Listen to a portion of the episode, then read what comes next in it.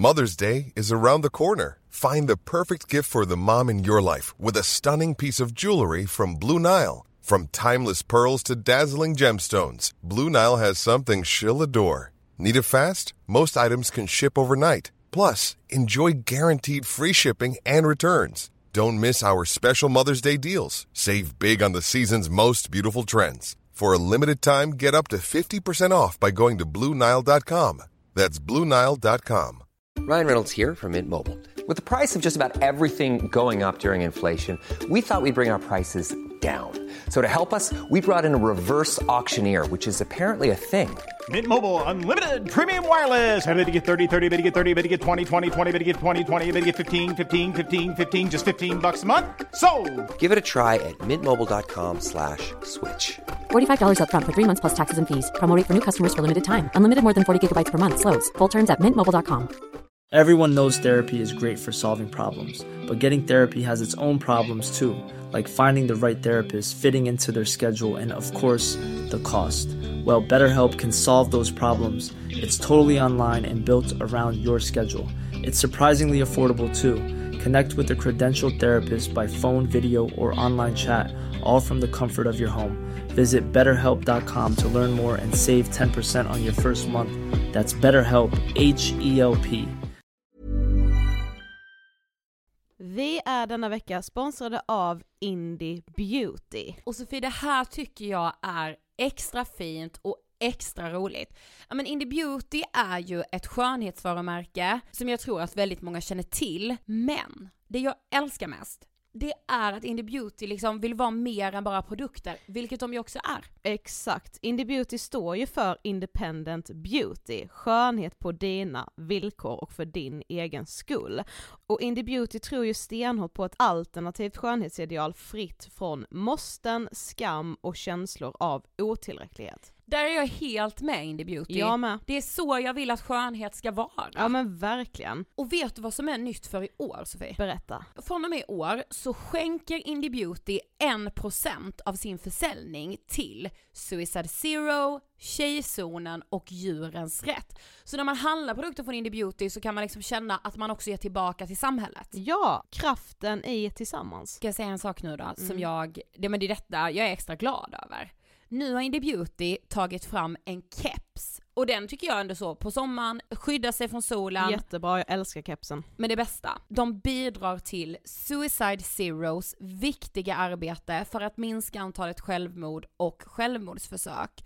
Så för varje såld keps så går hela vinsten, 100 kronor, direkt till Suicide Zero. Då kan man liksom göra nytta både för samhället och sin hud på en och samma gång. Ja, och kepsen kostar 169, men alltså hela vinsten går då som sagt till Suicide Zero. Så om man vill göra skillnad när man är där ute i solen, nu när den börjar titta fram, då ska man välja den här kepsen. Den säljs exklusivt på indiebeauty.se och på Apotea. Tillsammans kan vi skapa en ljusare framtid. Vi ses med kepsarna på! Tack Indie Beauty. Vi är sponsrade av Mindler och som ni säkert vet sedan tidigare så är vi ju ute på psykologresan tillsammans. Men hur vet man egentligen när det är dags att söka hjälp? Ibland uppstår saker i livet som kommer utmana oss och kännas tufft. Det mesta självläker vi oss igenom, för vi är menade att ta oss igenom en viss mängd påfrestningar. Men ibland behöver man professionell hjälp för att ta sig ur jobbiga perioder i livet. Men vart går då gränsen? Vad är en del av livets skavighet och när är det läge att söka hjälp? Det sägs till exempel att stress är farligt, men att det också kan vara bra. Alla sover dåligt ibland, så när har man egentligen sömnproblem? Ångesten kommer väl krypande för de flesta någon gång. Så när ska man se ångesten som outhärdlig? Hur vet jag? Med oss som psykolog har vi såklart min gamla psykolog Linnea Seidbrant. Men Linnea, vad är egentligen utmattningssyndrom? Utmattningssyndrom är en konsekvens av svår och långvarig stress utan möjlighet till återhämtning. Vi är ju då skapta för att klara av stress, men vi behöver också återhämtning. Om du utsätts för för mycket stress under en lång period utan att du får till den nödvändiga återhämtningen så kommer kroppen till slut att säga ifrån. Och det är faktiskt så att alla har en gräns. Du kan drabbas av en rad fysiska eller psykiska besvär som trötthet, sömnproblem, hjärtklappning, besvär från magen och tarmarna och mycket annat. Och det här är ju då varningssignaler och tecken på att du kan behöva göra någonting åt din situation. Annars så kan besvären utvecklas till att du mår så dåligt på sikt att du blir psykiskt och fysiskt utmattad. Ladda ner Mindler till din telefon och läs mer på mindler.se.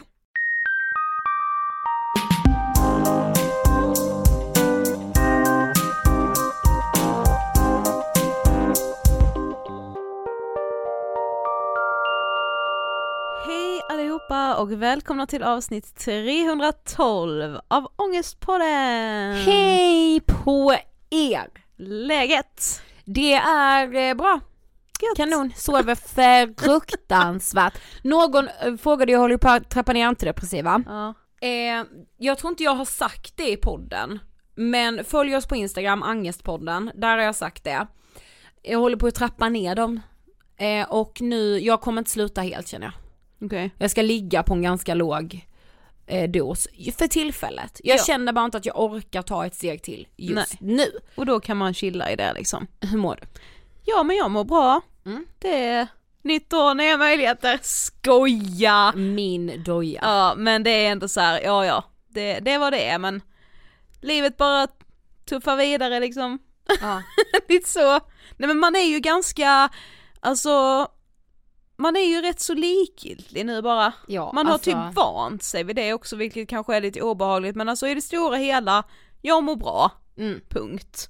Det är liksom varken bu eller bä. Nej, Lite så. men så. kan det, alltså det får ju med vara så. Alltså, ja precis. Men det är ju med att man bara så här, min motivation, alltså jag kan leta med ljus och lykta, jag kommer inte hitta den just nu. Men jag tror att det kanske har dels med åldern att göra, dels med pandemin att göra, men hade, hade det här varit jag för bara några år sedan, då Mm. hade jag varit lite stressad över att jag känner den här Alltså du vet att man går på den här två plus känslan nästan hela tiden. Mm. Exakt, och exakt. jag hade då hela tiden såhär bara oh, jag måste jobba mig ifrån det här, jag måste känna mig glad igen, jag måste liksom, du vet hela tiden så. Jag är inte alls lika stressad i det Nej. längre. Sen menar jag inte att jag aldrig känner mig glad, det gör jag ju. Men innan har jag trott att man ska vara glad väldigt mycket mer än vad jag är. Men också att komma tillbaka från en ledighet, alltså på tal om det. Vi är denna vecka sponsrade av Mendly! Ja men du det är vi. Sofie ska vi först bara berätta, vad är Mendley? Mendly är appen som gör det möjligt för dig att chatta med en psykolog online. Yes! Och du väljer själv om du vill skriva med din psykolog, om du vill skicka röstmeddelanden eller om du vill skicka videomeddelanden. Så du anpassar liksom chatten på ditt sätt. Exakt. Men det jag menade, alltså du vet det är den här post holiday bluesen Mm. jag känner just nu.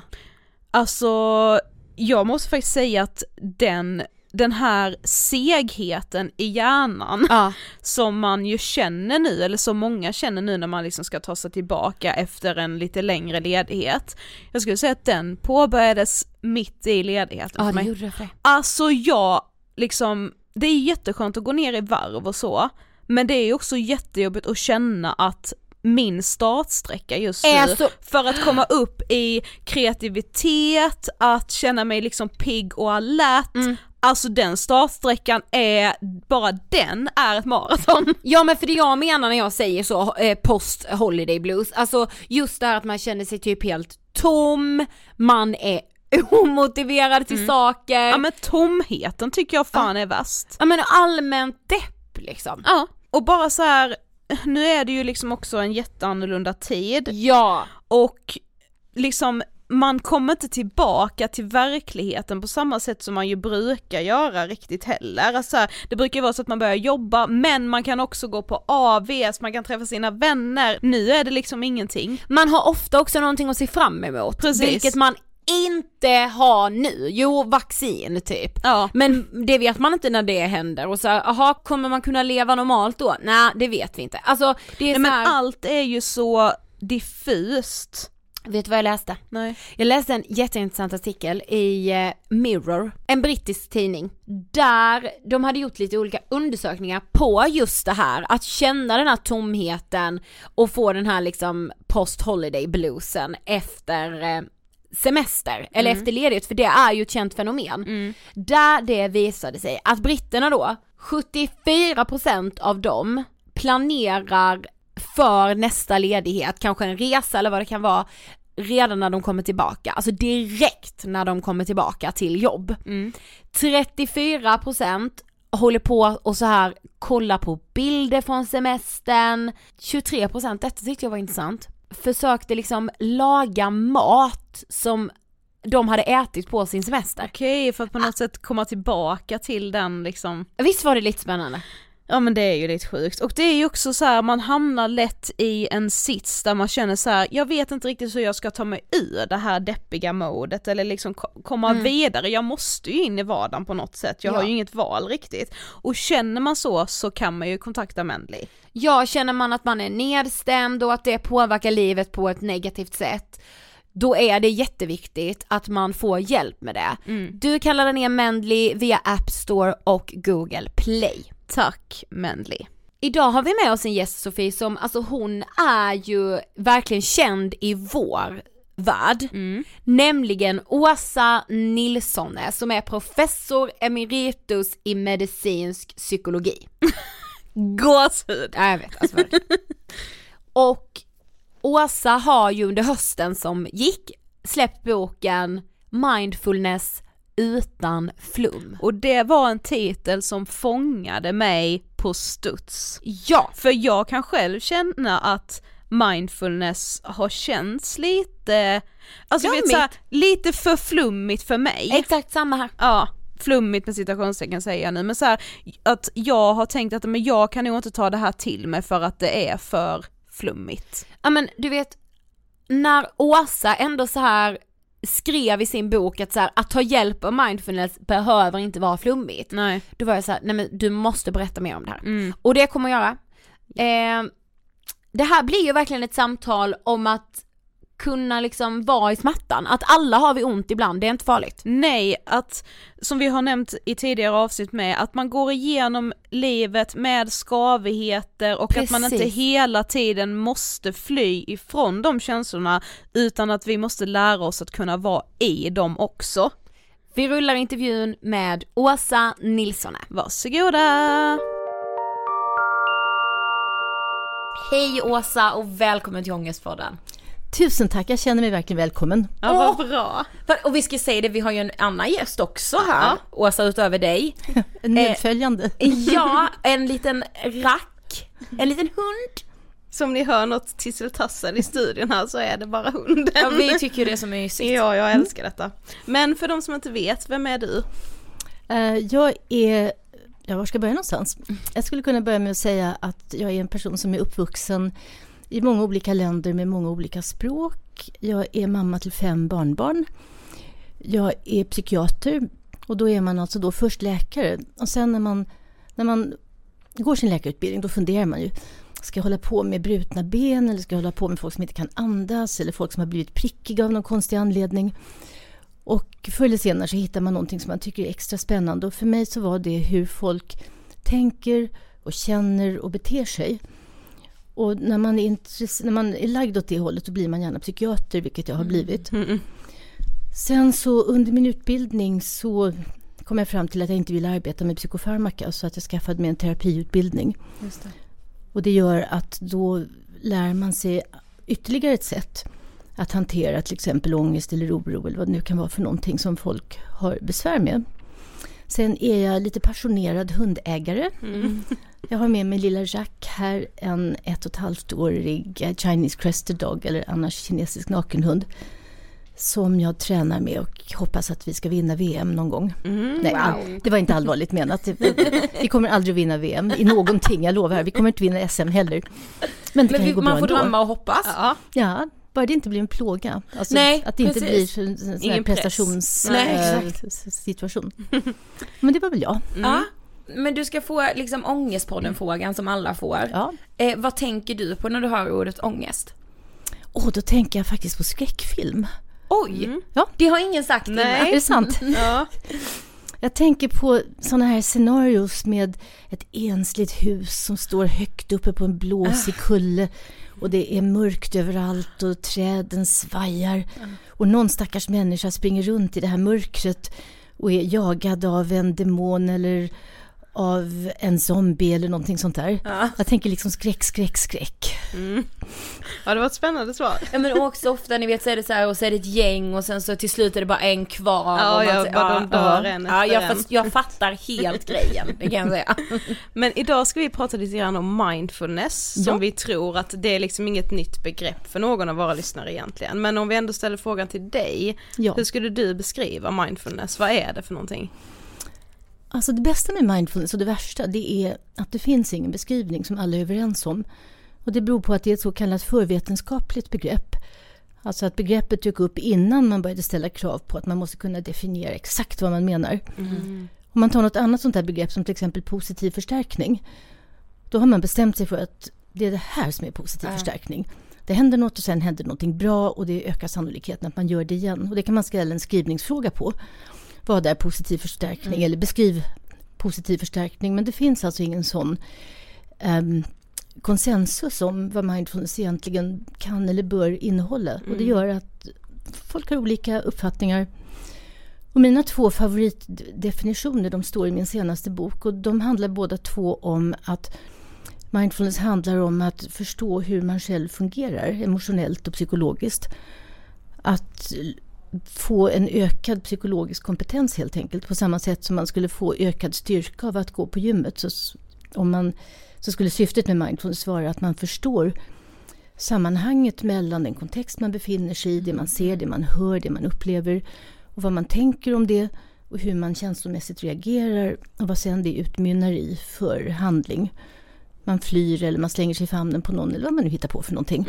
Och att, att förstå den orsakskedjan, det för mig skulle vara mindfulness. Men ett annat sätt är ju att säga att mindfulness för mig det är att ha en kärleksfull inställning till sig själv och livet.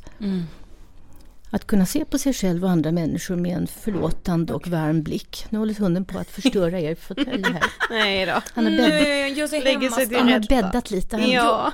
han måste krafsa lite först och sen kan man lägga sig.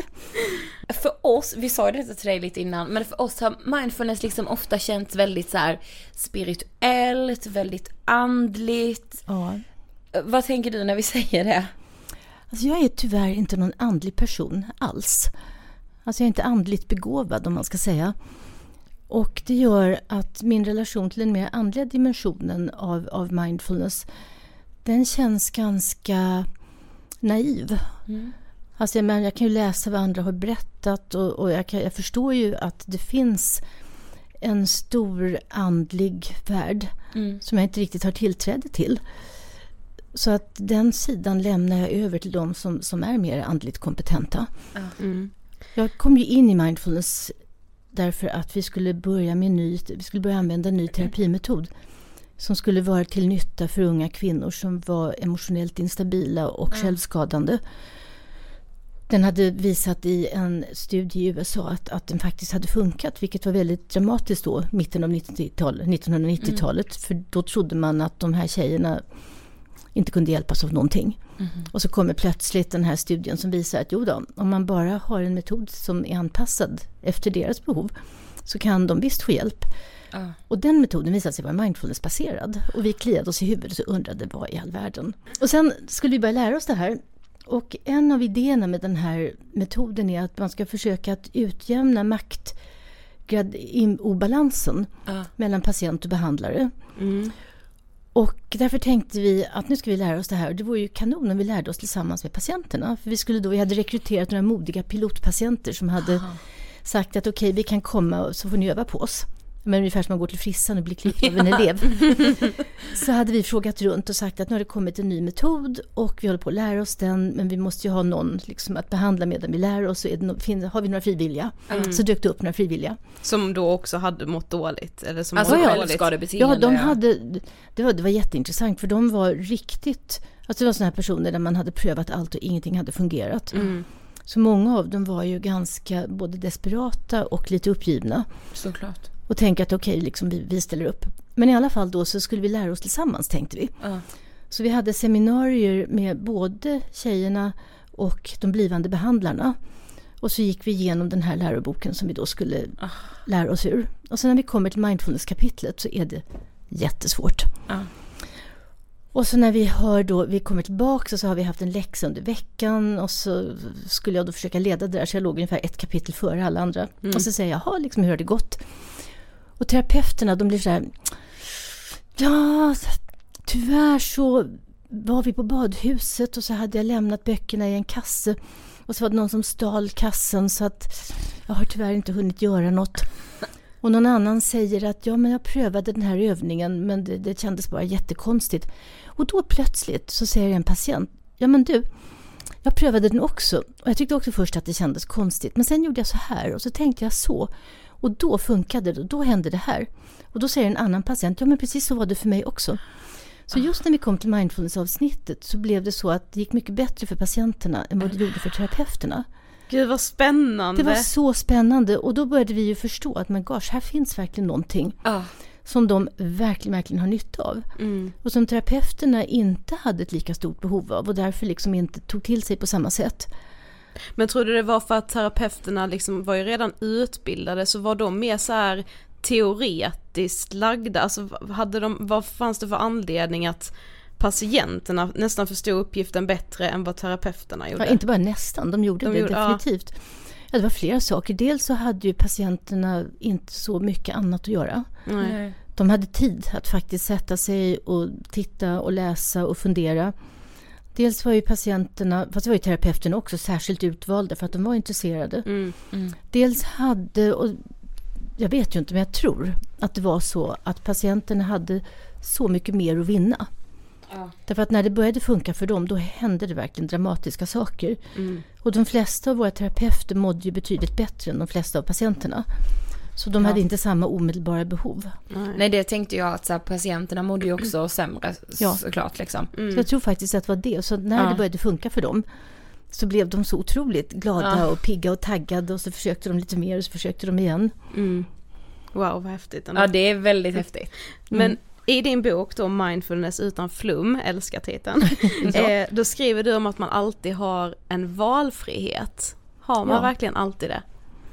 Alltså alltid är ju ett väldigt svårt ord. Det är klart att man inte alltid har det. Om, om man, någon har kastat ut den genom ett fönster och man singlar ner genom luften så där så kan man ju inte välja att liksom tyngdkraften ska upphäva eller någonting sånt. Men ofta har man mer valfrihet än vad man tror.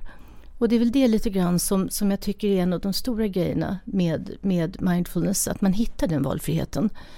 Därför att många säger ju att det blir alltid så här när jag ska liksom göra da, da, da, da, da, da så blir det alltid så att, att ja, det händer någonting tråkigt. Och då undrar man vad, vad kan det bero på? Hur kan det komma sig att den här människan gång på gång på gång försöker någonting och så blir det ett dåligt utfall? Eller folk kan säga att jag liksom jag bestämmer mig så ofta för att bara ta två öl men det lyckas jag ju aldrig med. Eller jag köper hem, en chokladkaka och så tänker jag att jag ska äta en ruta om dagen men det brukar ju aldrig gå. Och så är man inne i någon form av, av eller när man tänker på sig själv, alla de här människorna som har en massa, massa negativa tankar om sig själv. Som ständigt går runt och tänker att "Ah, du borde se ut på ett annat sätt och din näsa borde vara längre eller större eller kortare eller smalare och dina fötter borde ha varit kortare eller längre. Eh, liksom alla sådana här negativa tankar som folk har om sig själva. Så går det bara runt, runt, runt. Och att då förstå att man faktiskt har ett val. Man kan välja bort de här tankarna. Man har ett val när det gäller vad man lägger märke till i sin omgivning. Man kan välja. Och det är en jätterolig mindfulnessövning som jag kan rekommendera alla som, som ehm, har kurser och sådana där saker, eller man kan göra det själv. Och det är övningen att gå ut och välja vad man ska titta på. Och då börjar man med att välja en känsla. Till exempel man vill bli arg eller man vill bli glad eller man vill bli nyfiken. Eller man vill bli svartsjuk eller vad som helst. Och sen bestämmer man sig för att gå ut och bara leta efter sånt som drar igång den känslan. Och så går man ut i tio minuter och det kan vara var som helst. Det kan vara på gatan eller det kan vara liksom i sjukhuskorridorer och så bara letar man efter någonting att bli arg över eller någonting att bli glad över. Och sen efter tio minuter så känner man efter hur det känns. Och så gott som alla kan dra igång den känslan frivilligt. Om jag till exempel bestämmer mig för att bli arg så kan jag tänka, vad sen, folk slänger cigarettfimpar liksom på gatan. Och här är en fimp och där är en fimp. Och de spolas ut i havet och de stackars små fiskarna äter de här fimparna och dör. Och vad tänker folk på när de slänger fimpar på det här sättet? Vad arg jag blir på folk som inte tänker på miljön och inte på sin hälsa. Ah, och så vidare. Och man kan alltid hitta fimpar, så det är ett Ja, det- sätt att bli arg på. Ja, det kan man. Ja. Eller så kan man välja liksom glädje och då kan man gå runt och så kan man tänka att ah, tänk vad gulligt det är med två kära personer som går hand i hand. Och så tittar de på varandra sådär jättegulligt. Och så blir man alldeles varm inombords. Så man tänker att åh. Eller när det kommer någon mormor eller farfar gåendes med ett litet barn. Och de har inte bråttom och ungen stannar framför någon butik och mormor eller farfar stannar också. Så står de där och tittar. Och barnet pekar och farfar säger ja det är en jättestor stol. Och så blir man alldeles varm inombords. Mm. Och det här kan vi ju göra storskaligt. Vi kan ju bestämma oss för i livet att jag tänker ständigt fokusera på sånt som gör mig förbannad. Och då blir man ju förbannad jämt, hela tiden. Och man kan också välja att lägga det lite vid sidan om och välja att försöka hitta annat. Och på det sättet så har man en valfrihet i vilken värld man lever i. Och det betyder naturligtvis inte att om det kommer en kille springande mot en med en kniv i högsta hugget att man ska tänka att nu ska jag välja att titta på vilka gulliga skor han har. Utan då ska man naturligtvis, ja men inte sant, man måste ju vara lite klok här. Då måste man ju naturligtvis prioritera upp att här händer någonting väldigt obehagligt. Så det är klart jag måste lägga märke till det. Utan det är mer det här lite vardagslägga märkandet där vi har en valfrihet. Och sen har vi en valfrihet när det gäller vad vi tänker om alla de här sakerna. Vi har en valfrihet som är mycket, mycket större tänker jag än vad vi ofta tror. Så det är för mig en stor vits med mindfulness, att man, man får mer tillgång till den valfriheten. Mhm, mm, jag förstår. Men vi började också fundera på, du vet så här, alltså vårt samhälle är ju väldigt så här icke-religiöst. Ja. Och jag kan ju uppleva att mindfulness känns, ja men det känns inte religiöst men så här, buddhismen och jag, man tänker liksom, Ja. alltså hur liksom, hur väl funkar mindfulness i ett samhälle som är så icke-religiöst? Med tanke på att du får definiera mindfulness precis hur du vill Ja. och ha vilket mål du vill så, så kan man väl säga att det finns ju ingen anledning att det inte ska fungera oavsett samhällstyp. Mm.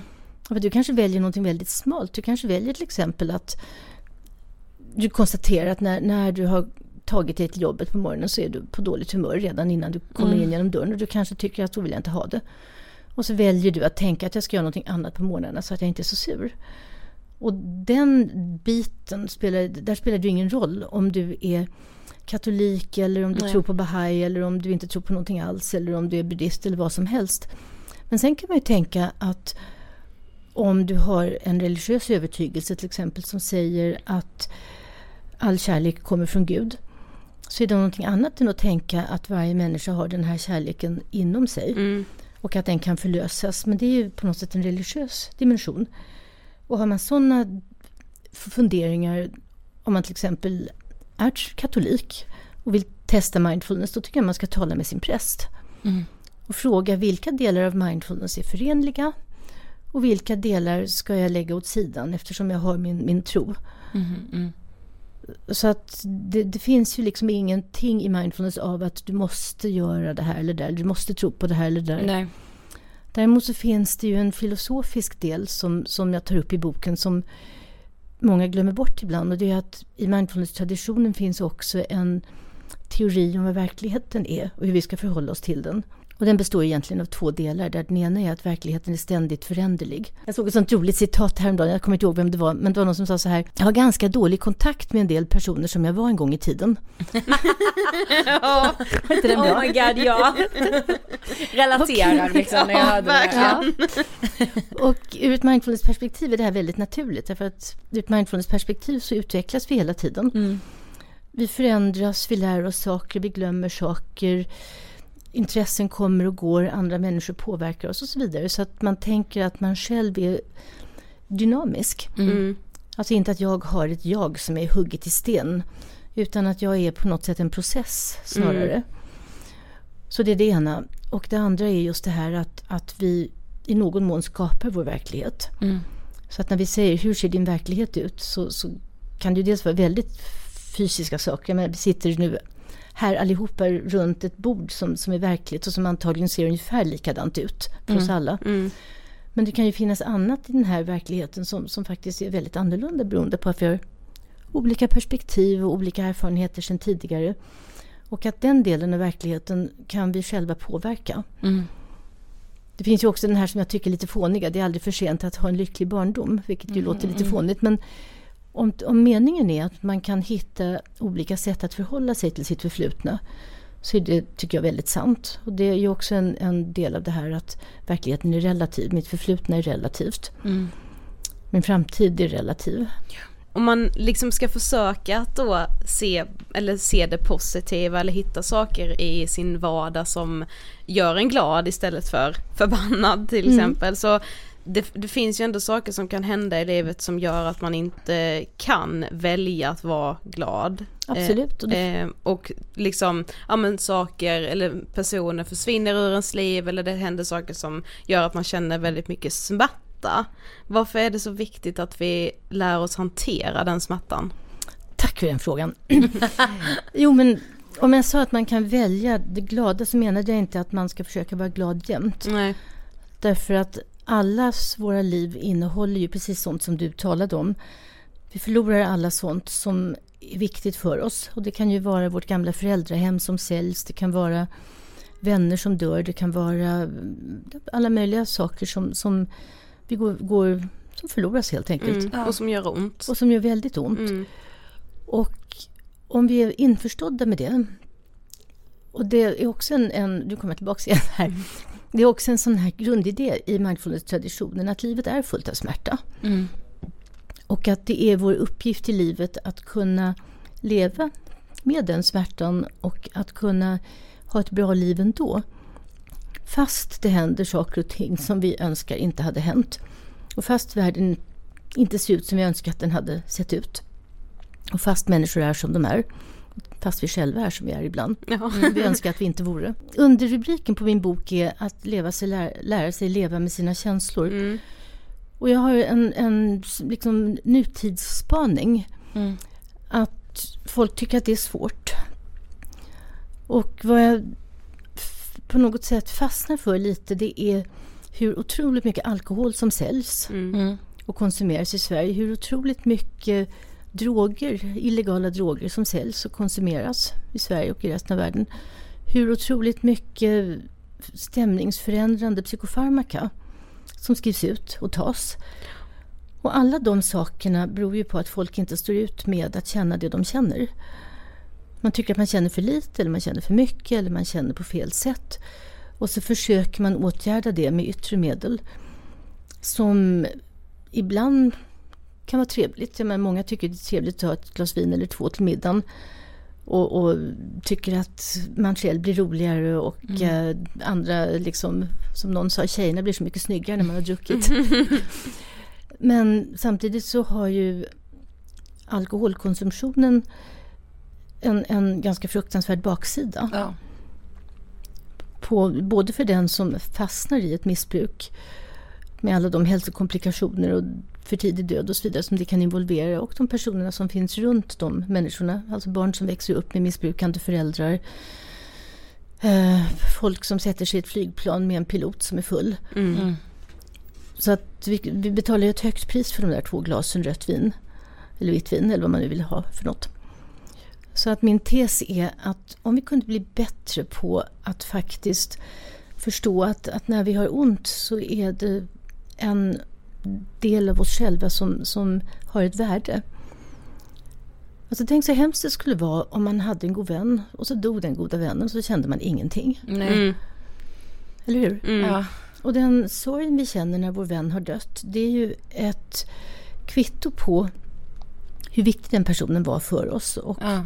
ett kvitto på att vi har engagerat oss i den personen, att den personen var viktig för oss. Mm.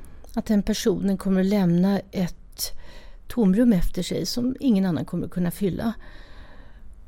Och det är ju ett sätt att hedra en person, att sörja den. Och att sörja är ju någonting som människor har gjort i alla tider och det finns ju olika idéer om hur det här ska gå till. Nästan alla religioner har ju någon slags ganska fast, vad ska jag säga, koreografi. Mm. Vad händer när man just har dött? Vad gör man med kroppen? Och ofta är det ju här väldigt socialt. Man Mm. samlas runt kroppen, man samlas i en begravning, man samlas i kyrkan, man samlas på olika sätt. Man pratar om den som hade gått bort, man sjunger till den. I vissa kulturer gräver man ju upp de döda Ja. en gång om året Mm. och äter middag med dem. Mm, ja. det, det ser ju lite groteskt ut. Samtidigt så de balsamerar då de här Ah. personerna och sen så, så plockar man fram den här balsamerade kroppen och man klär på den och smyckar den. Man kanske till och med stoppar in en tänd cigarett i munnen på den ifall det var så att de rökte. Och sen sätter man dem liksom vid middagsbordet. Ja. Och sen beter man sig som om de var där. Ja. Alltså på riktigt och pratar med dem och sådär. Och så det finns ju så många olika sätt, tänker jag, kulturellt att hantera det faktum att folk lämnar oss. Mm. Och att vi lägger så mycket tid på det beror ju på att vi tycker det här är så svårt. Mm. Men att få sörja någon som har dött är ju också ett sätt att sedan komma vidare. Och man talar ju mycket om, om det här med att om man bromsar upp sorgen genom att till exempel bara sätta igång och dricka ohämmat så att man, man slipper tänka och känna. Eller att man medicinerar bort den så, så får man en, man kan få en störning i sorgeprocessen. Så att istället för att sörja, sen sörja färdigt och sen kunna gå vidare så hamnar man i ett, en ständig flykt undan den här sorgen. Så att det är inte för inte som man, kallar, man talar om sorgearbete. Nej. Nej. men jag tänker att liksom när någon har dött, då är det så konkret, så här, en sorg, någon har dött, alltså då har man liksom den här anledningen ändå att må dåligt. Ja. Men det är ju väldigt många som känner extremt mycket smärta utan att ha den där konkreta anledningen. Ja, och då blir det den intressanta frågan, vad är det för konkret anledning då? Mm, Vad fattas dig? Vad är det i ditt liv som inte är tillfredsställande? mm, För det kan ju vara, som, som jag ser det som psykiater, när, när man har den situationen så kan det vara två, två situationer. Antingen har man någonting i sitt liv som ger smärta. Man kanske befinner sig i en relation där man blir underminerad, där man blir inte värdesatt, där man blir kränkt, i värsta fall slagen. Och det leder naturligtvis till en massa negativa känslor. Så då har man någonting som gör att man, man blir så här stressad, olycklig och rädd och allt vad det kan vara. Eller också saknar man någonting. mm, Alltså någonting som man hade behövt i sitt liv finns inte där. Ungefär som någon slags vitaminbrist. Och då måste man försöka reda ut, men vad är det, vad är det du skulle behöva? mm. Men som du inte har. Och hur ska vi kunna hitta det? Så att eh, det är precis som du säger, det är ju lätt när någon har dött. För då förstår man att ja, men det var ju det här. Ja, Men när man inte riktigt vet vad det är som gör ont. Och där kommer mindfulness in igen. Mindfulness är ett fantastiskt redskap för att identifiera var sitter den här smärtan någonstans. Är jag fylld av skam för någonting som jag kanske inte ens kunde rå för, som hände för hemskt länge sedan?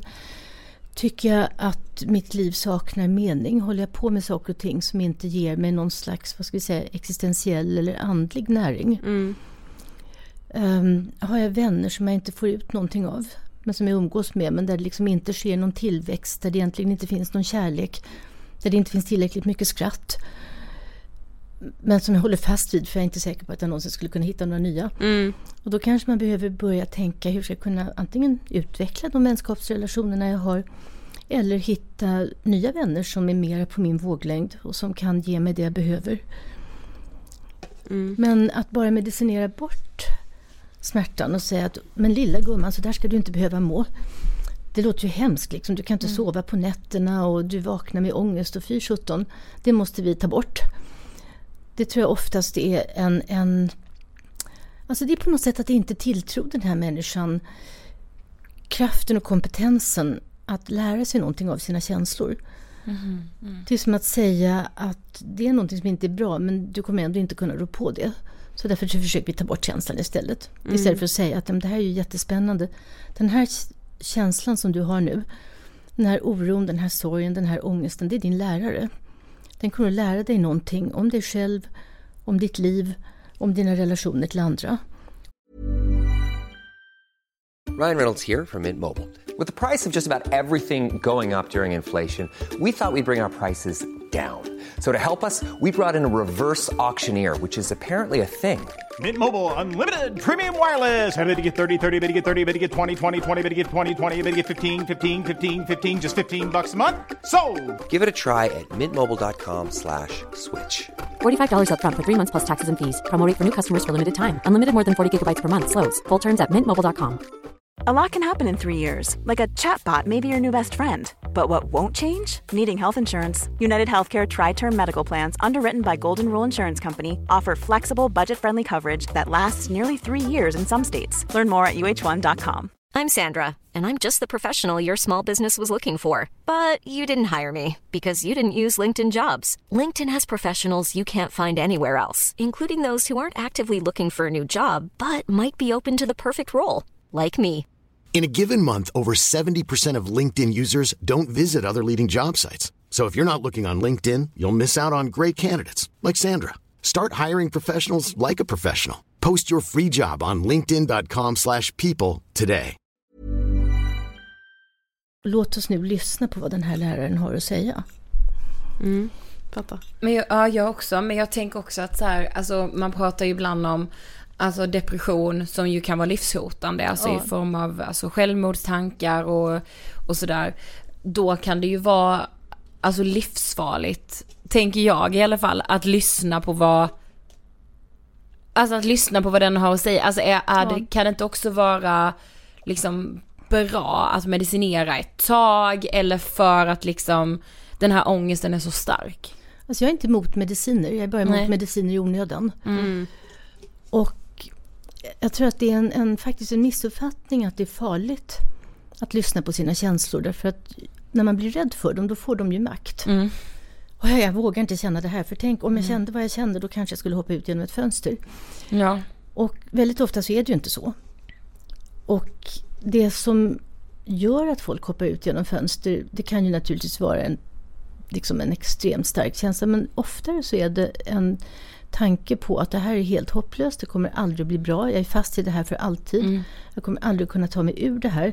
Så att hopplösheten är ju en väldigt stark drivande kraft när det gäller självmord. Och om man är inne i ett detektivarbete för att försöka förstå.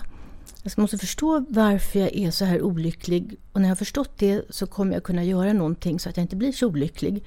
Det tar ju udden av hopplösheten. För då har man ju faktiskt en plan och man har en väg framåt. Och man vet att med största sannolikhet så kommer man att kunna lösa det här problemet och sen komma ut. Men jag ska ju verkligen inte förringa det här med självmord. Jag har ju Nej. arbetat nästan hela mitt liv med folk som har varit självmordsnära. Mm. Och vi vet ju att bland emotionellt instabila kvinnor så är risken att dö i självmord ungefär 10 procent, vilket ju är extremt högt. Men min tanke där är ju att det är farligare att inte tala Ja. om känslorna. 100%. Det är farligare att inte tala om hopplösheten än att, att eh, göra det. Ja. Jag Ja, verkligen. Mm. Ja. Men alltså smärta är ju då någonting som många upplever, eller alla upplever Ja. ju smärta på något Ja. sätt genom livet. Ja. Kanske flera gånger och i olika grad och så. Gud, ja. Men vad är då liksom, nu säger jag normalt med citationstecken här, men vad är normal smärta och när ska man liksom söka hjälp då professionellt? Ja, men om man jämför med en kroppslig smärta Mm. så kan man ju tänka att jag är ju 70 plus. Mm. Så att när Anders Tegnell kom ut och sa att alla ni 70-plussare ska stanna hemma och inte träffa folk och så vidare så slutade jag gå på gymmet och jag slutade gå och dansa. Och det var ju kanske bra ur smittspridningssynpunkt men det var katastrof ur, ur liksom kroppssynpunkt. Ja. Och nu har jag i alla fall eh, börjat igen. Gymmet är um, coronaanpassat och dansklasserna är också coronaanpassade. Men i alla fall så tog jag i lite för mycket och så har jag sträckt mig så att jag sträckte, sträckt mig i ryggen så att jag hade ont i ryggen häromdagen och även i morse. Och då vet jag helt säkert att det här är ingen farlig smärta. Jag vet att jag har sträckt mig lite i ryggen och då kan jag lugnt säga att okej det gör ont men jag ska inte bry mig om det. Utan bara lyssna lite på smärtan och inte, inte liksom Träna lika hårt. försöka att Nej. slå personbästa i, i tyngdlyftning eller någonting sånt där Mm. och inte kanske springa ut och jogga någon längre sträcka. Men jag, jag ringer ju inte efter en ambulans. Nej. Men om jag hade fått en lika stark smärta mitt i bröstet som strålade ut i vänster arm så skulle jag ju processa den och tänka, jaha vad kan det här vara för någonting då? Och då skulle jag ju tänka att ja, det skulle kunna vara en hjärtinfarkt. Mm. Och då skulle jag ju inte tänka att nu ska jag strunta i den där smärtan och gå och laga lite mat istället. Utan då skulle jag ju antagligen ta mig iväg till ett sjukhus. Mm. Och det är ju lite likadant med den emotionella smärtan. Att vi måste lära oss, här har vi mindfulness igen. Vi måste lära oss, när är min emotionella smärta en del av det normala registret? Ja. Och när mår jag på ett sådant sätt att jag faktiskt behöver hjälp? Och där kan man ju kalibrera sig mot andra. Det är ju ett väldigt bra sätt. Man kan fråga, liksom prata med sina vänner, prata med folk man har förtroende för. Och om de då säger ja stackars du, han var verkligen ingenting att ha. Nu går vi Mm. ut och liksom tar en öl och har det trevligt. Då Mm. tycker nog kompisen att den här smärtan inte var så allvarlig. Om kompisen säger men du, det här låter verkligen inte bra. Sitt kvar här så ska jag ringa efter mobila psykteamet. Mm. Då är det antagligen så att man har passerat en gräns där kompisen inte längre känner sig trygg. Mm. Ja. Och här lär man ju också känna sig själv. Man lär ju kännas, man, man upptäcker ju hur mycket smärta man, man liksom kan hantera. En god vän till mig berättade att hon hade blivit nobbad av en kille och att det då blev så att hon hamnade, hon låg och grät i fosterställning. Och då kan man ju fråga sig, är det normalt? Ja, det kan det väl vara. Mm. Och blev jag särskilt orolig när hon berättade det? Nej, det blev jag inte. Men förstod att det här hade liksom verkligen tagit henne väldigt hårt. Mm. Så vad hon behövde då, det var ju lite tröst och lite uppmuntran. Hon behövde ju inte skickas till någon psykakut. Nej. Men hade hon däremot sagt att eh, nu har jag stått i fönstret på sjunde våningen en halvtimme och funderat på att hoppa. Mm. Då hade ju då hade jag ju inte sagt att men lilla gumman, så trist. Utan då hade jag liksom gjort något. Mm. Jag upptäcker att den här frågan är faktiskt väldigt svår, svår att svara på. Därför att man vet ju inte själv i början var ens gräns går. Nej, just det. Mm. Men däremot så är de flesta av oss bättre på att hantera smärta än vad vi tror. Och nu kommer jag med en av mina käpphästar. Ja. Mm. Det här är ju fantastiskt. Sen kan vi säga käpphästpodden. Man får berätta precis det man tycker. Ja, men så här. Det här är ett favoritexempel. Så om det är någon som lyssnar på podden som har lyssnat på mig tidigare så har ni kanske redan hört det. I så fall Mm. jag om ursäkt. Men man tänker sig femåringen som håller på att lära sig cykla. Mm. Och de vinglar runt där på sin cykel och så plötsligt så trillar de av cykeln och så slår de upp ett stort skrubbstår på knät. Det var nedförsbacke, de glömde bort att bromsa, de trillade Mm. av i ganska hög hastighet. Det var hur läskigt som helst och de skriker och tårarna sprutar. Då går man ju dit och så kramar man dem och så blåser man på såren och så sätter man på plåster och sådär. Men ingen kom ju på idén att hälla upp en whisky åt ungen. Nej. Eller hur? Nej. Och ingen kom ju på idén att säga att herregud, du ska aldrig mer cykla, du skulle kunna trilla av och slå dig på knät. Ja, nej. Eller hur? Utan man, man konstaterar ju att så här har det varit för oss alla när vi lärde oss att cykla. Mm, det är nästan lite gulligt ju att utifrån som vuxen titta på ett barn som lär Absolut. sig cykla. Ja, intressant. Och man kommer ihåg det. Ja, exakt. Precis, Ja. man minns själv hur det var. Ja. Ja, och vi är jätteduktiga på att trösta femåringar. Mm. Och jag förstår inte varför vi inte är lika duktiga på att trösta 15-åringar och 17-åringar Nej. och 18-åringar. För de råkar ut för samma haveri fast känslomässigt. Första pojkvännen gör slut eller Ja. första flickvännen drar. Eller första flickvännen säger någonting väldigt elakt. Mm. Eller första pojkvännen ljuger. Eller någonting. Ja. Och så är man helt förkrossad Mm. man tror att livet är över. Ja.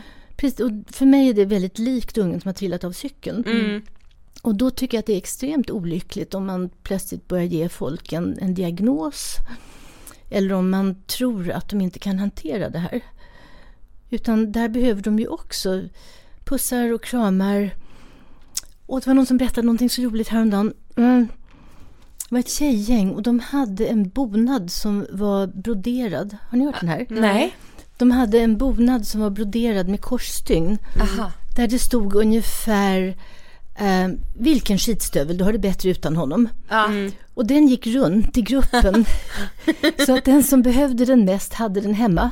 Vad och hängde upp den. fint. Fint, ja. Och sen nästa gång som någon råkade ut för en sån här katastrof, ja men då fick den personen ta över bonaden. Ja, det är underbart. Ja, men bra initiativ. fint? Ja, det var jättefint. Ja, men Ja. jag tycker också det, därför att dels så säger den att sånt här händer. Ja. Och det händer oss alla. Precis. Och det är inte därför att vi var för tråkiga eller för roliga eller för framgångsrika eller för oframgångsrika eller för att vi hade fel skostorlek. Utan det är bara sånt som händer oss alla. Mm. Och vi blir jätteledsna och hjärtat blir krossat. Ja. Och sen efter ett tag så repar vi oss. Mm. Och jag skulle vilja att det fanns en mycket större tilltro till vår förmåga att trösta varandra. Alltså både till att söka hjälp och tröst och att ta emot. Mm. det är liksom en färdighet som man tränar upp det här med att ta emot Precis. tröst och att ge tröst.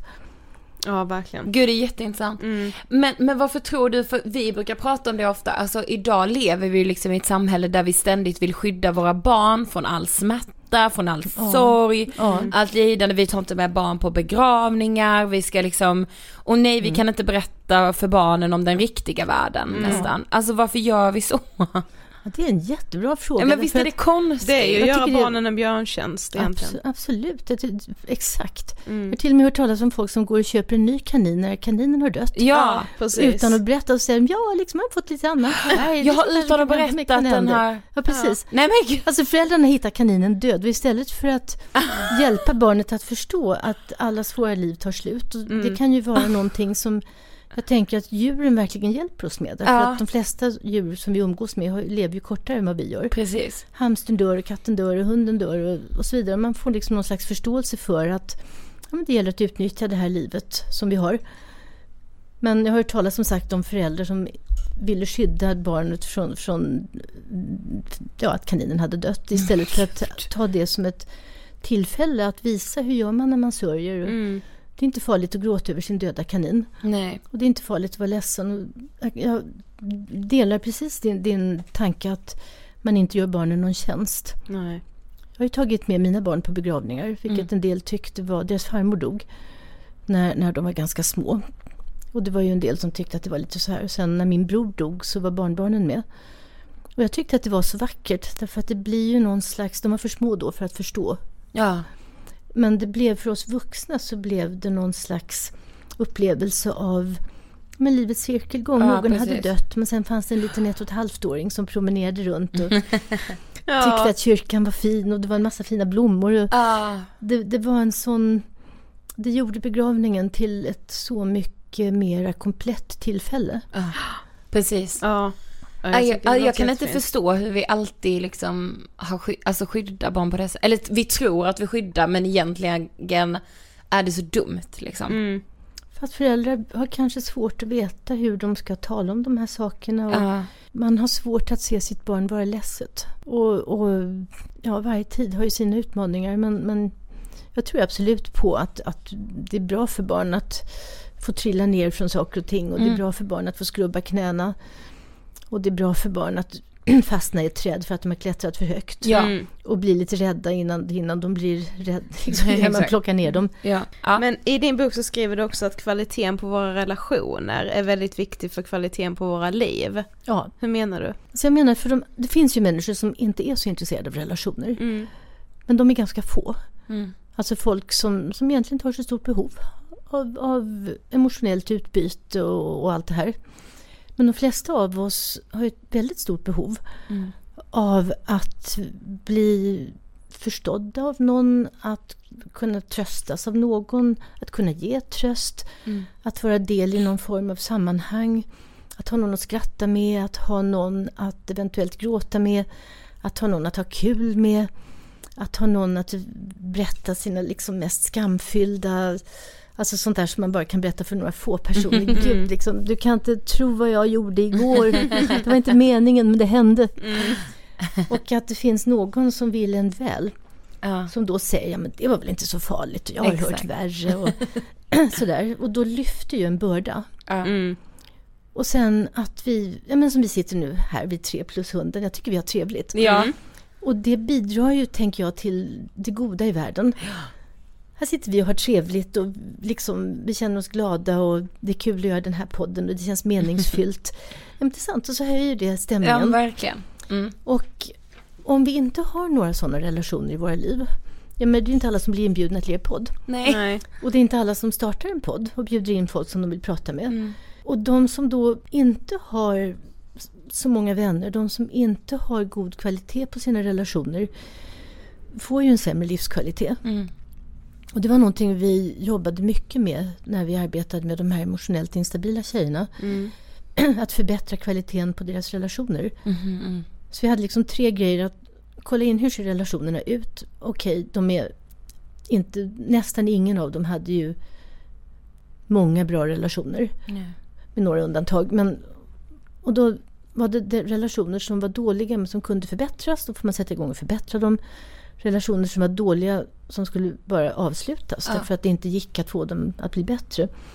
Och det uppfattade jag alltid som en väldigt stor del i att de fick en bättre livskvalitet. Att de blev av med en del destruktiva relationer och fick bättre kvalitet på de relationerna som de hade. Ja. Genom att till exempel lära sig att ta mer plats, genom att till exempel lära sig att säga nej. Ja. Genom att till exempel våga säga att jag gillar inte kinamat. Istället för att säga att Åh, jag tycker det här är jättegott fast man inte tycker det. För man vill liksom inte såra den andra personen, man vill inte vara besvärlig. Och om man inte kan berätta hur man vill ha det så får man det ju inte som man vill ha det. Nej. Men om man inte berättar att man inte tycker om kinamat så kommer ju de här personerna att komma hem till en med kinamat i all oändlighet. Exakt. Och så blir det jättetråkigt och så tycker man inte om maten och så känner man sig överkörd och så skäms man för att man inte har vågat säga ifrån. Mm. Så allt sånt där man kan ge sig till känna lite mera och berätta att det här tycker jag om och det här uppskattar jag och det här tycker jag inte om. Så blir ju relationerna bättre Mm. därför att man sannolikheten att man får ut det man vill ha av relationerna Ja, precis. ökar ju. Ja, det är så sant. Mm. Och att man liksom ofta är så rädd, alltså för att man bara vill vara till lags och så är Precis. man så här, ja men nej då säger inte jag hur jag vill ha det. Ja, exakt. Och så tänker man kanske inte att det också påverkar kvaliteten och ens egna mående. Ja. Ja gud det är intressant. Mm. Men alltså varför är det så svårt för oss människor att göra det vi har bestämt oss för att göra? Eller vet att vi borde göra? Åh, det är också en sån här typiskt underbar mindfulness-tillämpning. Mm. Därför att oftast så är det ju så här att vi vet medvetet till exempel att vi borde gå till gymmet, säg tre gånger i veckan har vi bestämt oss för. Och det är ett väldigt intellektuellt beslut som har fattat. Ja, men vad behöv, behövs? Det behövs tre gånger. Och då ska jag göra liksom da, da, da, da, da. Och sen då när vi ska gå så är det ju inte bara intellektet som styr. Och jag sätter min hand mot pannan här. Mm. Därför att det är här framme som vi har de här tankarna och den här kunskapen om att A ger B. Tre gånger på gymmet kommer att ge bättre kondition. Mm. Men sen så har vi ju en annan del i beslutsprocessen och det är ju våra känslor. Mm. Och känslan som jag har just då kanske är nej, jag orkar inte gå ut en gång till. Jag är trött, jag vill inte. Det här var i och för sig tankar, men liksom känslan är motstånd, eh, icke-motivation. Ja. Och då kan ju känslan köra över tankarna. Ja. Eller jag kanske blir rädd. Jag kanske tänker att jag borde gå till gymmet men det är mörkt ute. Och det är lite obehagligt att gå ut i det här mörkret och så kommer den rädslan att göra att jag inte går ut. Eller så kanske jag börjar få tankemässigt andra funderingar. Jag kanske tänker men, men jag kan ju precis lika gärna göra det här imorgon. Mm. Alltså tre gånger i veckan, det var ja. måndag nu. Ja, men jag har gott om tid. Precis. Och eh, just i det ögonblicket så kan den tanken ha mera kraft. Mm. Och ibland kan det vara rätt. Men ibland Ja. kan det vara så att man, är, man har haft en hemsk dag. Mm. Och man, man är är, skittrött. jättetrött. Ja. Nu gäspade jag när vi sa trött, Ja, vad sjukt. Ja. Precis. Och så sitter man där i soffan och så funderar man på om man eventuellt ska gå till gymmet. ja. Och då, Och så är det något på tv, man vill se. Precis. Precis. och då kanske det är en bättre idé att, att ta det nästa dag. Och är man då lite bra på att, att hålla reda på vad jag tänker och vad jag känner så kan man komma fram till att ja men faktiskt, idag är jag för trött. Nu ska Ja. jag ta hänsyn till min trötthet. Nu ska jag vara snäll mot mig själv. Nu ska jag lägga mig i soffan och dricka en kopp te och äta lite popcorn och titta på TV. Ja. Och sen bestämmer jag mig för att gå imorgon istället. Det är kanske det klokaste valet. Ja. Eller också så tänker jag att nej men om jag faktiskt går så kommer jag att vara så nöjd efteråt. Och då kommer jag att ha gjort en av de här tre gångerna. Så jag kanske ska ta och pallra mig iväg fast jag egentligen inte har lust. Och så går man. Men att kunna göra en litet, ett litet överslag. Hur ser mina tankar ut just nu? Hur ser mina känslor ut just nu? Hur ser situationen ut just nu? är någonting som man kan bli bättre på om man, om man tränar att dela upp beslutsprocessen Ja. på det sättet. Mm. Och då blir det mycket lättare också att, att faktiskt veta när ska jag göra det jag har bestämt mig för.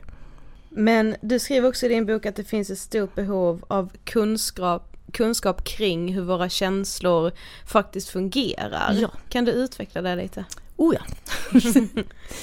jo men att vi är ju utrustade med känslor och det intressanta är, du sitter och klappar på min lilla hund just nu. Och det intressanta är att, eller en intressant sak är att om man går in och tittar i hans lilla huvud Ja. så är de delar av Sluta hjärnan de delar av hjärnan som skapar känslor ser nästan exakt likadana ut som de gör hos oss tre människor. Ja. Så att det här maskineriet för att göra oss rädda eller glada eller nyfikna, det är väldigt, väldigt gammalt evolutionärt. Det är så coolt, alltså det är så häftigt. Alltså ibland vill man bara så påminna sig själv om det som människa. Ja. För länge trodde man ju inte att det var så. Man Nej. trodde att hundarna bara hade reflexer eller instinkter. Och det är bara helt nyligen nu som man har börjat kunna stoppa in hundar i en magnetkamera. Och titta på vad händer. Och så det, alltså det är så rolig forskning. Då har de alltså tränat hundar att ligga still så här i en magnetkamera. Medan de står och viftar med en köttbulle utanför för att få hunden att ligga still. Ja. Och sen så drar man igång olika känslor hos hunden. Genom att visa den någon person som den tycker om eller någonting sånt där. Och så tittar man på vad som händer i huvudet på den. Och det visar sig vara precis samma sak som händer i våra huvuden. Ja. Och vad jag vill komma med det, det är att våra känslor är inbyggda i oss. Och de är viktiga. Och de fyller en funktion, de ska hjälpa oss att fatta beslut, de ska hjälpa oss att lägga, upp, lägga vår uppmärksamhet på det som är viktigt, de ska hjälpa oss att styra vårt beteende. Så vi ska tycka om våra känslor, vi ska respektera dem. Och samtidigt så är det ju våra känslor som driver nästan alla in i till exempel psykiatrin. Mm, precis. Varför hamnar man inom psykiatrin? För att man känner för mycket eller för lite av någon av alla de här känslorna. Det finns lite andra skäl också, men väldigt mycket är att känslorna inte funkar. Mm. Och då tänker jag att ju mer vi förstår vad som drar igång en känsla, vad som underhåller en känsla, vad som gör att en känsla upphör att kännas. Hur vi kan förhålla oss till våra känslor. Hur vi kan berätta för andra eller visa för andra vad vi känner. Allt det är ju en slags skola. Och det är ju ganska kulturellt. I olika kulturer gör man ju på olika sätt. Mm. Här i Skandinavien är vi till exempel ganska nertonade. Jo, väldigt skulle jag vilja Ja, påstå. och det är ju inget fel i det. Nej. Och det finns ju andra kulturer där det är helt normalt för vuxna människor att skrika och slita Ja. sitt hår. Och så här. Och vi tittar då på den här personen och tänker, gud vad barnsligt de uppför sig. Mm. Och de tittar på oss och tänker, men den här människan har inga känslor. Nej, för helt känslokall. Ja. Precis. Och det, det Alltså den här kulturella dimensionen är ju också väldigt intressant. Ja. Nej, men i många kulturer så är det ju så att ju argare man blir, ju högre ska man skrika. Just det. Mm. Och i Norden så har vi ju en punkt där vi vänder. Och så blir vi så här. Ja. Alldeles stela och lite entoniga. Och då vet ju alla skandinaviska barn att nu är det fara och Ja, färde. precis. Och det är ju, det är ju liksom ett slags språk. Medan en person från en annan kultur, de tror ju att vi inte är arga längre. För nu har vi slutat skrika. Och så blir det enorma missförstånd. När vi liksom blir så här. Och de tänker att ja, men nu kan jag fortsätta med det jag gjorde. För nu, nu är personen i fråga av någon konstig anledning inte arg längre. Ja. Så det här med att lära sig hur ska jag förmedla min känsla till dig. Det är någonting som vi skolas in i. Mm. I vår kultur och i våra familjer. Och där kan man ju också bli mycket bättre på att visa Men nu kommer en utläggning till. En kollega till mig som är jämnårig med mig, han är lite äldre, så han är 72 eller någonting sådär. Han, han är läkare och han berättade om ett möte han hade varit på med sina arbetskamrater. Och så säger han så här då, det, det blir någon slags konflikt och så säger han så här. När ni säger så här till mig, då känner jag mig helt tillintetgjord. Jag blir så ledsen över de kommentarerna. Så jag blir helt gråtfärdig. Och det här, är nå- det här är ju någonting som en man normalt sett aldrig säger på ett möte på jobbet. Och han berättade att när han gjorde det, när han liksom bara berättade vad han kände, så vände stämningen på en femöring. Och de som hade varit så här kritiska, de liksom ögonen bara spärrades upp på dem. Och så sa de, nej men oj, liksom, och det var ju inte meningen. Och, och så här så blev det en helt annan Ja. stämning. Och så kunde de lösa problemet på ett mycket bättre sätt. Och jag tänkte att varför gör man inte så lite oftare? Ja, exakt. Varför gör man inte så alltid? Ja, precis. Alltså, när du gör så mot mig då, då känner jag så här. Ja. Ja men för alltså dels lär man sig saker om sig själv när man vågar göra det. Mm. Men också så mycket som and, alltså man, om någon annan gör det lär man liksom sig, alltså man lär andra någonting Ja. genom att göra så också. Ja precis, och man säger ju inte det för att komma med någon sorts pekpinne Nej. utan för att man har en förhoppning om att man faktiskt kan komma närmare Exakt. varandra genom att vara öppen med hur man Exakt. känner i just den Ja. lilla situationen. Exakt, och det för mig är lite det här också att, att bli mer kompetent när det gäller känslor. Ja. Att våga visa vad man känner, att kunna ta emot när andra berättar. Alltså vi har ju ofta sån här pokerface. Ja precis. Verkligen. Och man sitter och man ska Ja, försöka Nej se men ut. allt är bra! Ja men ungefär. Allt är kanon! Ja, Fast på precis. insidan så bara brinner det av Ja, känslor. ja, precis. Och sen den här stackars människan som bara brinner och som sitter där och säger ja men det går så bra. Kommer naturligtvis inte att må bra av det. Nej, Såklart tvärtom. Men om man däremot kan berätta att jag blir så ledsen eller det här accepterar inte jag. Jag, jag kan inte gå hem och ha det på det här sättet. Mm. Därför att jag, det här har passerat den gräns som jag tycker är rimlig för min del. Mm. Att, man liksom visar lite ilska och så här. Ja, men, ja precis, alltså verkligen som du säger, jag tror att om man eh, upplever det säger vi på ett möte, att man Ja. känner så här, jag är så missförstådd, jag, eller jag känner mig kränkt, eller vad det än kan vara. Alltså säger man inte det, då kommer det äta så mycket energi Ja. resten av dagen, resten av veckan, månaden, alltså det blir ju liksom, ja men precis. i det långa loppet så är det ju som att man straffar sig själv genom att inte vara ärlig. Mm. Men det är väl viktigt också att diskussionen hamnar kring varför vi ska lära oss att prata om våra känslor istället för att diskussionen hamnar på antingen är man för eller emot Ja, antidepressiva. det är så sant. Överhuvudtaget så är det en jättekonstig diskussion tycker jag. Om man tar cytostatika till exempel, Mm. som man ger vid cancer. Mm. Jag menar, man har ju aldrig hört talas om folk som är för eller emot cytostatika. Nej, eller hur? inte Nej. på alls samma sätt i alla Utan fall. Det är fullständigt uppenbart att har man en cancer så ska man naturligtvis ta cytostatika och har man inte en cancer så ska man låta bli. Mm. Ja. Ingen av oss skulle ju liksom tycka att det var en kul idé att ta lite cytostatika. Nej, Nej. precis. Och jag förstår inte varför diskussion, egentligen förstår jag inte varför diskussionen har blivit att man ska vara för eller emot Nej. antidepressiv medicin. Därför Ja. att det är klart att om man behöver antidepressiv medicin så ska man ju ta den. Ja, Men ja, om man, om man inte behöver den så, så är det bättre att låta bli. ja precis. Så att jag, jag lider lite av det faktiskt. För då kommer Ja. folk ibland till mig och säger, ja men du som är emot medicin. Jag är inte alls emot medicin. Jag är emot att man ger 17-åriga flickor antidepressiv medicin som de sen står på i 20 år. Mm. Såklart. Mm. Och det är inte riktigt samma sak. Nej. Och vi har ju också träffat eh, framförallt föräldrar vars döttrar har liksom enda sättet att få prata med en psykolog på sin vårdcentral är för att man först äter antidepressiva. Alltså man hade ingen möjlighet att få prata med en psykolog Om man, inte, alltså, åt det var ett krav på den här Bara vårdcentralen först som vi måste du fick testa då. antidepp och sen Ja, om inte det får funkar, du då liksom. får du prata med en psykolog. Och det där önskar jag att någon skulle testa juridiskt. Ja. För det är ju tvångsmedicinering. Ja. Precis. Men en fråga till.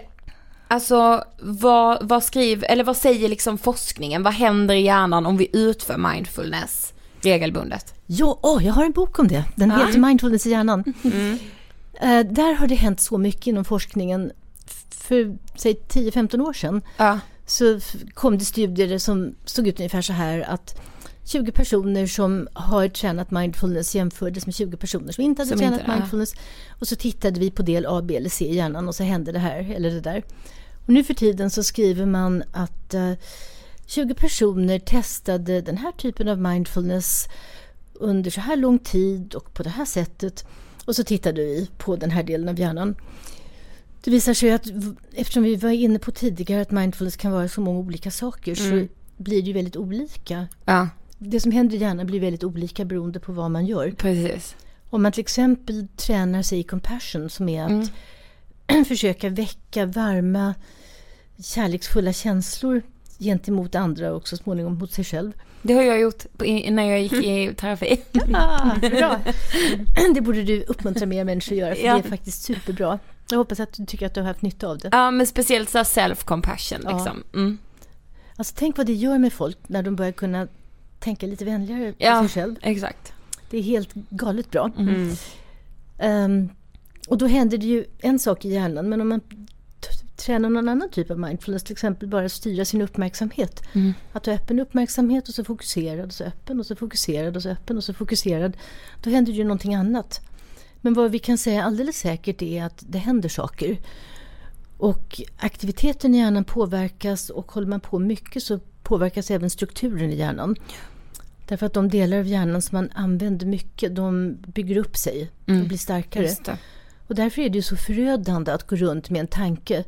Jag är dum, jag är ful, jag är dum, jag är ful, jag är dum, jag är ful. För vad som händer är att man gör ju hjärnan till superexpert på att skapa just den tanken. Man blir extremt bra på att ty- Mm. tänka negativa tankar om sig själv bara för att man övar så mycket. Ja. Och det är ju jättesorgligt. Och man lägger inte ens märke till att man ju övar, utan det Nej, bara det sker. Det, bara- är det som är så obehagligt. Det är inte så att man tänker, oj här går jag och tänker negativa tankar om mig själv, utan de negativa tankarna bara tänks ju. Precis. Och ju oftare man gör det, ju autom- mer automatiskt blir det ju. Ja. Fast det, det som är bra med det, det är ju att när man slutar och börjar tänka andra tankar, då blir de till slut automatiska. Mm. Så att man till slut slipper den där lilla negativa rösten som, som är självkritisk och, och som egentligen bara underminerar ens välmående. Mm. För att i det här med att ha goda relationer så ingår ju att ha en god relation till sig själv. Mm. Att tycka om sig 100 själv. procent alltså. Ja, att kunna uppskatta sig själv, att inte ställa orimliga krav på sig själv. Mm.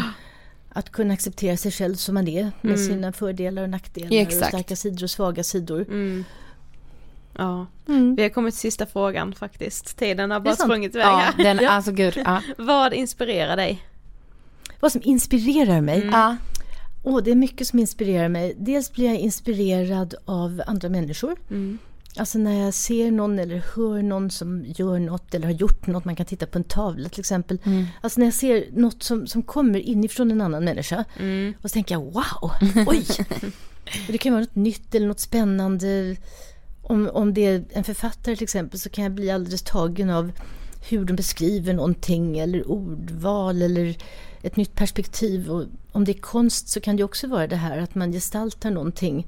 Jag tycker om gestaltande konst. Jag är Ja. inte så mycket för sån här konst som bara är färger eller något. Mm. Jag tycker om när det är någon som tittar på någon eller någon som upplever något eller så här. Och ibland så kan man ju få ett sånt här riktigt lyft inombords. Ja. Och jag kan bli inspirerad av att se någon göra någonting som de är väldigt duktiga på. Och jag kan bli inspirerad av barnbarnens tankar och kommentarer Ja. om livet. Ja. Det är, så, det är så underbart med barn och deras liksom så här filterlösa sätt att bara vara och tänka. Ja. Jag älskar också det. Ja, man vill behålla barnasinnet lite, Ja. eller man behöver Gud, nog det lite ja. mer i sitt vuxna liv också Mm, tror jag. Ja. Absolut. Tack så jättemycket för att du ville gästa Ångestpodden. Ja, men tack för att jag fick komma och ta- tack särskilt för att jag fick ta med mig din lilla hund. Klart! Självklart. Med nöje skulle jag säga. Tack. Kommer du börja med mindfulness nu?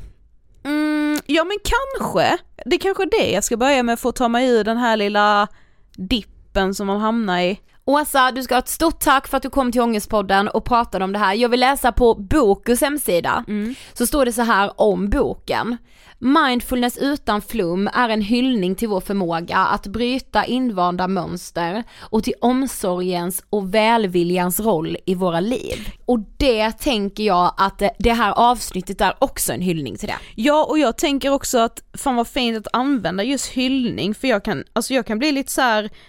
vad fan, varför har vi liksom inte lärt oss att vi har den här förmågan? Ja, jag Vi vet. får bara lära oss hur man ska optimera sig själv eller så här, läser om att det är det man ska sträva efter. Ja. Man ska inte sträva efter att kunna vara i sin skit. Jo, och vi kan det. Hur trevligt att Åsa hade med sig sin hund Rack. Mm, jättemysigt. Det var faktiskt väldigt mysigt så, så jag hoppas det var trevligt att ni hörde. Ja, Eh, Åsa har ju faktiskt själv startat en podd. så fick man inte nog av henne nu så kan man ju lyssna ännu mer på oss om man vill det. Och podden heter Smärtpunkter. Bra namn.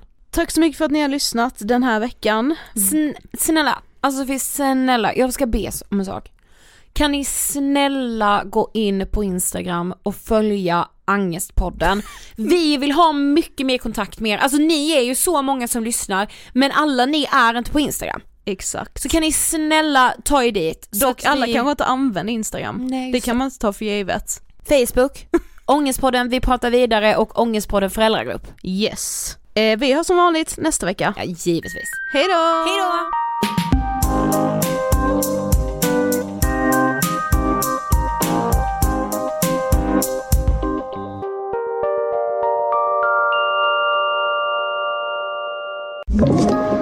Podplay.